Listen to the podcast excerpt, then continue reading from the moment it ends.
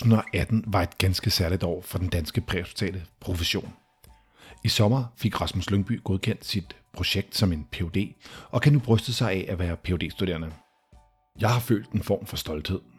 Lidt ligesom jeg gjorde i sommer under VM i fodbold, hvor min patriotiske følelse pludselig sned sig frem mellem kolde fadel og min gamle klaphat. Da jeg læste meddelelsen om, at en dansk ambulanceredder nu var phd studerende og til med skulle undersøge noget så spændende som kvaliteten af genoplevning, ja, så blev jeg stolt på vores fags vegne. Vi er kommet langt siden 90'erne, hvor der ikke endnu var en officiel ambulanceredderuddannelse, men kun kortere kurser. Og vi er kommet langt siden det første paramedicinerhold i midten af nullerne skulle lægge ryg til meget fra det etablerede sundhedssystem.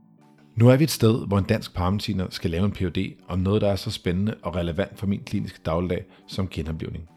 Rasmus skal undersøge, om feedback i forskellige former i forbindelse med præhospital hjertestop har en effekt. Det er både under og efter hjertestopsbehandlingen, der skal være forskellige former for feedback. Derfor skal denne podcast handle om Rasmus Lyngby og hans projekt og det potentielle luksusliv, det er at blive forsker. Mit navn er Morten Lindqvist, og med det, velkommen til denne episode af Fomedic Podcast.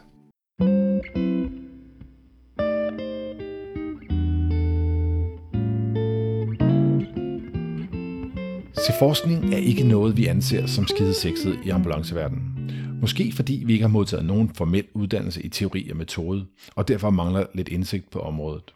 Derfor har vi spurgt Rasmus, om vi må få lov til at følge ham igennem hans phd studie og det har han heldigvis sagt ja til. Vi har aftalt, at vi skal mødes cirka hver halve år for at høre, hvordan det går, og hvad resultaterne viser. Måske er vi så heldige, at vi kan få et smukkig ind i resultaterne allerede inden det udkommer. Men vi får også mulighed for at høre, hvordan det er at forske. Hvad er det for en liv, man har, når man møder ind på et forskningskontor? Er det indtastning i Excel og statistikprogrammer dagen lang? Eller er det rene fede fester med sponsorer og andre forskerkollegaer? Arbejder man stadig klinisk? Eller skal han stryge skjorter hver eneste morgen i de næste mange år? Jeg har derfor været på besøg hjemme hos Rasmus til vores første møde for at høre lidt om, hvordan det er at forske. Og hvad indebærer det for alle dem, som skal være med til at samle den data, som Rasmus skal analysere. Jeg har selvfølgelig inviteret mig selv hjem til Rasmus, for lige at tjekke, om hjemmet allerede bærer præg på de mange millioner, jeg har hørt, man tjener som forsker. Inden vi går i gang, så skal der lyde en kæmpe tak til Rasmus for, at han vil deltage, og en tak til Region Hovedstaden, som er med på, at vi får et smukkig ind bag facaden på det her store projekt. Samarbejdet med Rasmus vil ende i to forskellige former for Fomatic-indslag. På bloggen vil vi skrive nogle artikler, hvor vi prøver at give indsigt i, hvad det er at forske, hvad er en PhD, og hvordan samler han den data, som man skal bruge. Hvordan analyserer han resultaterne, og hvad betyder resultaterne egentlig? Her i podcasten vil vi i stedet for gå lidt mere til stålet og stille Rasmus de spørgsmål, som vi forestiller os, at den præhospitale version af Clement Kærskov vil stille. Vi vil have indsigt i champagnelivet som forsker. Vi vil høre, hvordan det er at forske, og hvorfor at alle forskere er en anelse dogne og sætter andre til at samle data, i stedet for at gøre det selv. Men nok snak, lad os komme i gang med interviewet.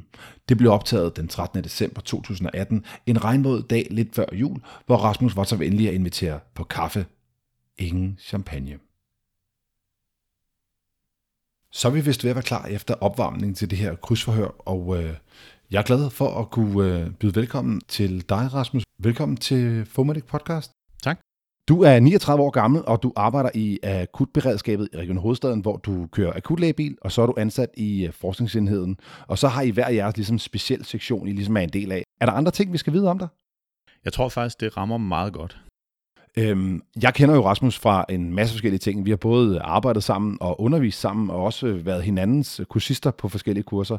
Så øh, udover at det er spændende at høre om Rasmus' projekt, så er det også hyggeligt at se en gammel ven. Så dejligt, at jeg måtte komme på besøg.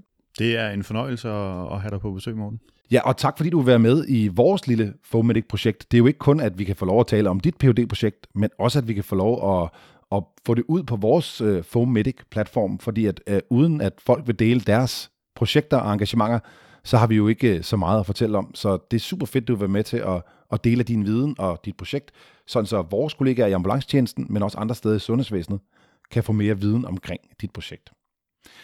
Men det vi skal nu, Rasmus, det er, at vi skal øh, lave et lille interview, og det har vi øh, aftalt på forhånd, at øh, det skal være på den her måde. Og det vi har tænkt os, det er, at øh, vi skal lave en eller anden form for Clement Kærsgaard øh, interview. Altså, jeg stiller nogle skarpe spørgsmål til dig om dit projekt, om øh, hvordan det øh, nu skal fungere, og hvad der ligger bagved. Og så må du forklare dig så godt som muligt. Og det vi håber, det er, at de her spørgsmål kan være med til at gøre lidt mere klart for folk derude, hvad det er, det egentlig handler om. Men er du klar, Rasmus? Ja, jeg er klar. Skide godt. Så lad os komme i gang. Det første spørgsmål, det er, Rasmus, helt ærligt, handler det her egentlig bare om, at du skal slippe for nattevagter og sige, at du er blevet forsker? Det vil være super fedt, hvis jeg kunne slippe for nattevagterne. Øh, helt så nemt øh, er det desværre ikke. Jeg kører stadigvæk øh, halvtid i, i driften. Det har jeg valgt at gøre, fordi jeg mener, det er vigtigt at, at fastholde den praksisnære tilgang til, øh, til forskningen, og, øh, og så fordi jeg godt kan lide at, at køre ud på gader og stræder. Så jeg har stadigvæk øh, nattevagter, øh, om end det så ikke er lige så mange som før, eftersom jeg kun er halvtid i driften. Øhm, og så, øh, så vil jeg sige, at det vil være et rigtig, rigtig dårligt bytte, fordi selvom jeg måske øh, ikke har lige så mange nattevagter, så vil jeg sige, at arbejdsbyrden er bestemt ikke blevet mindre, fordi jeg sidder på, øh, på et forskningskontor halvdelen af tiden. Men når nu nu siger, at jeg er forsker og sidder på et forskningskontor, hvad, hvad, hvad, altså, hvad handler det så om? Er det, er det egentlig ikke bare for at, at slippe for griseriet med patienterne, eller hvad, hvad, hvad, hvad gør, at du skal være forsker? Det er lysten til at, øh, at bidrage med noget udvikling. Øh, selvfølgelig er der en, en personlig ambition i at, at gøre de ting, som, som jeg gør, og det tror jeg måske ikke er så meget anderledes fra så mange andre. Og så, øh, så handler det om, at, øh, at vi, skal, vi skal udvikle vores eget fag, og, øh, og nu, øh, nu landede den mulighed øh, foran øh, mine fødder, og så vil jeg selvfølgelig tage den, og så håber jeg, at, øh, at der kommer flere til, så, øh, så jeg får nogle gode kolleger at, og støtte mig op til i, øh, i forskningsregi også. Ok, så det er noget med at blive klogere, det er noget med at forbedre behandlingen for patienterne, men hvad er det, du vil forbedre med det her projekt? Først og fremmest, så, øh, så ved jeg jo ikke, om jeg øh, forbedrer noget som helst. Det handler om at undersøge nogle ting, og så er det så kun resultaterne, der kan vise, om vi, om vi forbedrer noget. Vi har en formodning om, at, at ved at indføre nogle, nogle forskellige feedback features, så kan vi forbedre den, øh, den kvalitet, vi leverer, når vi genoplever. Men i virkeligheden, så, øh, så ved vi det først, når øh, projektet det er slut. Nu ved jeg jo personligt, at Region Hovedstaden lige har fået nye defibrillatorer. Og øh, som om det ikke er nok at implementere en masse defibrillatorer på én gang, udstyret i ambulancerne og ladekabler og uddannelsen af folk til det, så vil du også lige forvirre det hele med dit projekt oven i hatten med et feedback-modul og dataindsamling. Kunne du ikke bare have ventet et år, til det hele kørte på skinner, eller hvad? Jo, det ville have været rigtig rart, hvis man ikke havde skulle, øh, skulle køre et, øh, et projekt, eller opstarte et projekt, samtidig med, at man skulle implementere en, en DeFi. Det er altså bare nemmest at skifte hjul på en bil, når den holder stille, og ikke er, er i fuld fart, sådan som det her faktisk føles. Det, der var udfordringen, det var, at vi, øh, vi vidste faktisk ikke, hvor godt vi performede, når vi ydede HLR, for de data har ikke været tilgængelige tidligere. Og hvis vi, øh, hvis vi nu startede op og havde vores feedback feature slået til, når vi, øh, når vi startede projektet, så vil vi jo ligesom allerede der ødelægge præmissen for at samle en, øh, hvad skal man sige, en, en nøgen HLR ind, det vil sige, hvor godt performer vi uden noget som helst, lige der, hvor vi er nu. Så, øh, så det, var, det var sådan virkeligheden, den, øh, den formede sig, og det, øh, det var sådan, det endte. Det har selvfølgelig skabt en lille smule forvirring, øh, eller ikke forvirring, så en lille smule udfordring, både for, både for mig, men, øh, men også for redderne. Og, øh, og det håber jeg, vi er ved at have, have ryddet op i efterhånden. Øhm, og, så, øh, og så kan vi koncentrere os om at, om at samle data ind, fordi det er trods alt det vigtigste for, for projektet. Du snakker om, at der skal gives feedback på en eller anden måde, men men jeg var ude forleden dag og mødte stadigvæk en ambulance, hvor de talte om, at øh, de øvede med feedback-modul, og nu er der ikke feedback-modul på defibrillatoren. Øhm, og det var de stadigvæk lidt forvirret over. Kan du klare lidt nærmere, hvorfor det er, der ikke er den feedback-procedur? Ja, det handler om, at, øh, at projektet det, øh, det blev øh, sat i søen i, i sidste, nærmest i sidste øjeblik, i det, at, at der skulle nogle fondsmidler på bordet, før, før det ligesom var en, var en realitet. Derfor var, øh, var der nogle tekniske udfordringer, som, øh, som skulle løses, og, øh, og det gjorde så, at man øh, var nødt til at uddanne alle folk på den her feedback feature, inden, øh, inden de ligesom kom i drift. Selvfølgelig er det rigtig uheldigt, at, øh, at man så er blevet uddannet på noget, som, øh, som man ikke umiddelbart har tilgængeligt, men, øh, men vi var nødt til også at, øh, at samle noget data ind på, hvor gode er vi, når vi ikke får nogen form for feedback, fordi ellers havde vi ikke noget at sammenligne med. Øh, vi har forsøgt at kommunikere så godt som vi kunne ud til, ud til alle redere om, hvad er, hvad er processen og, og hvor langt er vi. Det er bare svært at nå alle, så hvis der sidder nogen derude og, og føler sig en lille smule frustreret over, at de ikke har den her feedback feature, så, øh, så kan jeg trøste med, at, at den kommer til dem, den, den er på vej. vi samler noget data ind nu, som er nødvendigt for, at vi ligesom kan, kan vise, hvor gode er vi, når vi, når vi ikke har noget feedback for at, at sammenligne med, når vi har feedback. Så, øh, så den er på vej. Men så må jeg spørge, øh, nu skal vi så til at have feedback i vores defibrillator.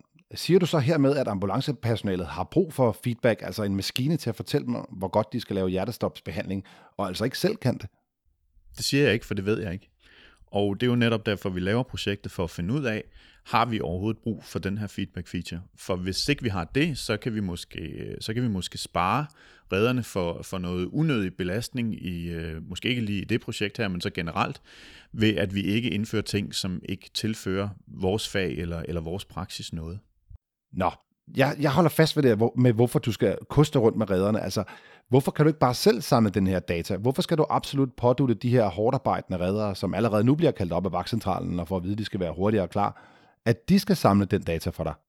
Det er jo et rigtig godt spørgsmål. Jeg håber bestemt ikke, at jeg pisker nogen redder rundt i Emanation, fordi det vil jeg meget, meget nødt. Jeg har selv kørt i, øh, i, en, i en rigtig, rigtig travl region fra en rigtig travl station, så jeg kender godt arbejdsbelastningen. Man kan sige, hvorfor kan jeg ikke selv samle data ind? Øh, vi kører ret få hjertestop om året, uanset hvor, hvor travl en station man kører fra. Så hvis jeg kun skulle samle ind til eget forbrug, så at sige, så vil jeg, så vil jeg nok skulle samle data ind i noget, der ligner en 40 til, til 70 år, før jeg begyndte at have, have data nok. Så, så det er nødvendigt, at alle øh, i reddergruppen bidrager for, at vi hurtigere kan samle den mængde data, som, øh, som er nødvendig.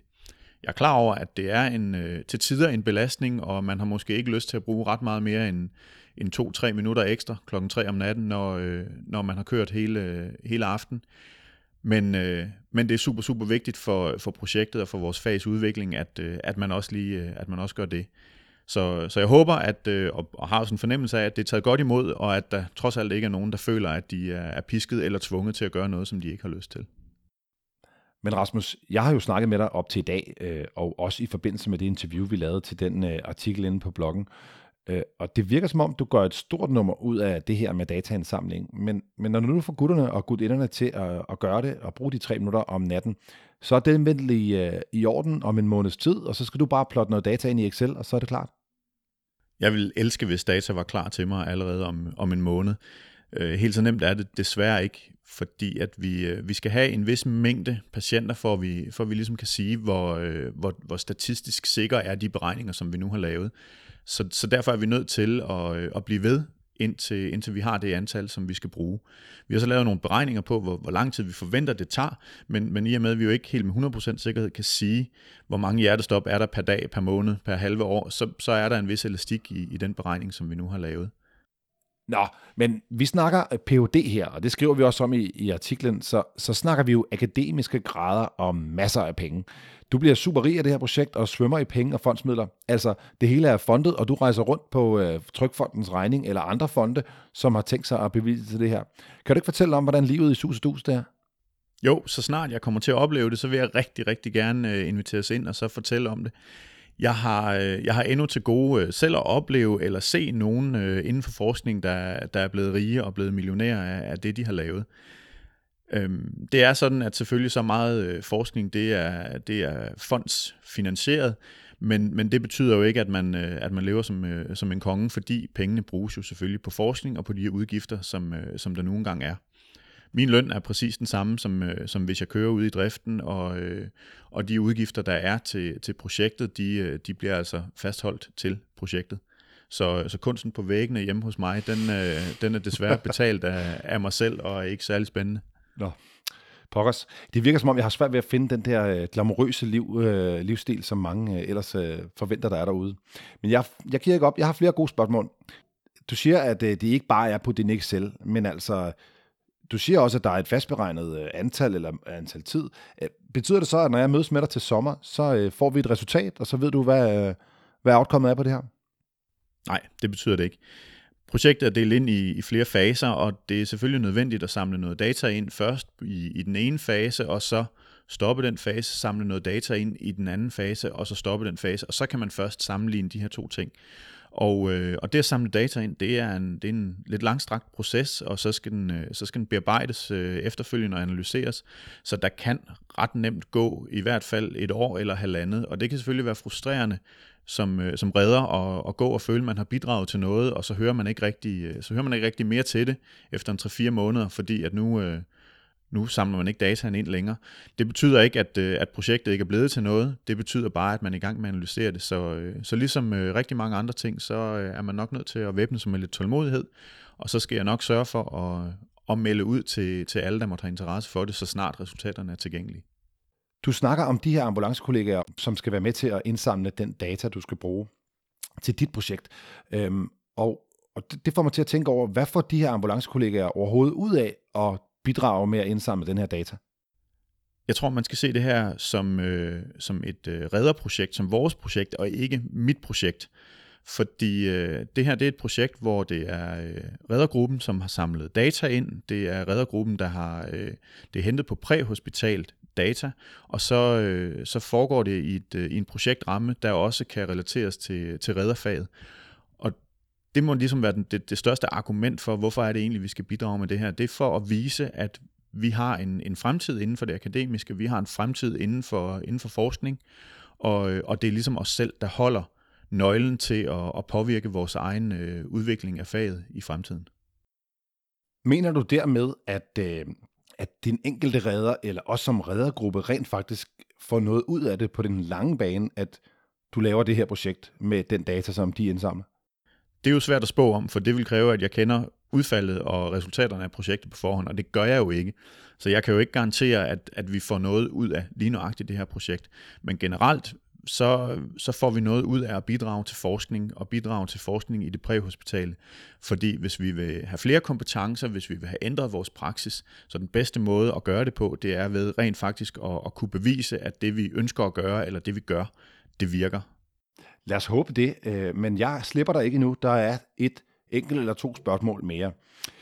Og det går på, hvad, Rasmus, øh, hvad laver du så på det her forskningskontor, imens du øh, påtvinger de hårdt arbejdende Region H ambulancefolk er slide for din data? Hvad, hvad får du tid til at gå med? PT, der øh, er en stor del af arbejdet, det er at sikre, at vi får så meget data ind som overhovedet muligt, fordi en gang imellem, så glemmer man jo, at man skal overføre den her data, det er en, en ny procedure, det er en ny DEFI, så der er rigtig, rigtig mange ting, der kan gå galt, ikke af ond vilje, men simpelthen fordi, at, at, øh, at det er nyt. Så meget af tiden går på at sikre, at vi får så meget data ind som overhovedet muligt, så vores periode, hvor vi ikke har feedback tilgængelig, den er så kort som overhovedet muligt. Derudover går der rigtig, rigtig meget tid med, med sådan generelt projektledelse, det vil sige, hvor, hvor langt er vi i processen, hvad er det for nogle ting, der kommer næste gang, der er noget uddannelse, vi skal have på plads af, af alle redderne i Region Hovedstaden. Så, øh, så dagen går egentlig med at være et skridt foran, og så går den med at, øh, at holde øje med de data, der lige så stille begynder at, at flyde ind. Jeg havde ellers håbet, du ville sige noget med, at du bare sad et sted med benene oppe og, og kiggede i Excel, men øh, det virker ikke til, at det bare er så glamourøst, som jeg havde forestillet mig. Når nu, at du er færdig med den her PhD, Rasmus, og øh, vi alle sammen har bidraget i form af dataindsamling, og nogen finder det nysgerrigt og skal i gang med det her, er det så målet for alle ambulanceredere at skal lave en PhD? Ikke nødvendigvis. Det er individuelt, hvad man har lyst til, og, øh, og har man lyst til at lave et, et lille projekt inden for et eller andet område, som man interesserer sig for, så, øh, så er det lige så godt og lige så brugbart, som, øh, som hvis man ønsker at, at stile efter en, en PhD.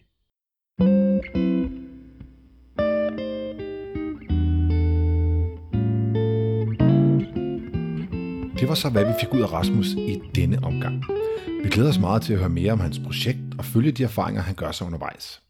Hvis du er blevet mere nysgerrig på, hvad det vil sige at lave en PhD og deltage i et phd studie hvad der kræves og hvor lang tid det tager, så smut ind forbi bloggen fomedic.org og læs et længere interview med Rasmus, hvor vi hører lidt mere grundlæggende om, hvad hans arbejde og hans projekt består af. Til dem, der ikke har opdaget det nu, så har vi for en uge siden åbnet op for et ekstra avanceret EKG-kursus, denne gang i Aarhus. Det er den 30. oktober, og vi glæder os super meget til det. Der er stadig 10 ledige pladser tilbage. Til sidst vil vi minde om, at I kan støtte os via tier.dk med 5, 10 eller 15 kroner. Det betyder virkelig meget for os, for så kan vi blive ved med at lave god lyd og masser af gode blogposts til jer. Inden længe kommer det næste afsnit i Formatic Pharma-serien. Det bliver om dansetron, og efter om dansetron, så kommer der noget om Midazolam. Mit navn er Morten Lindqvist. Det her er Formatic Podcast.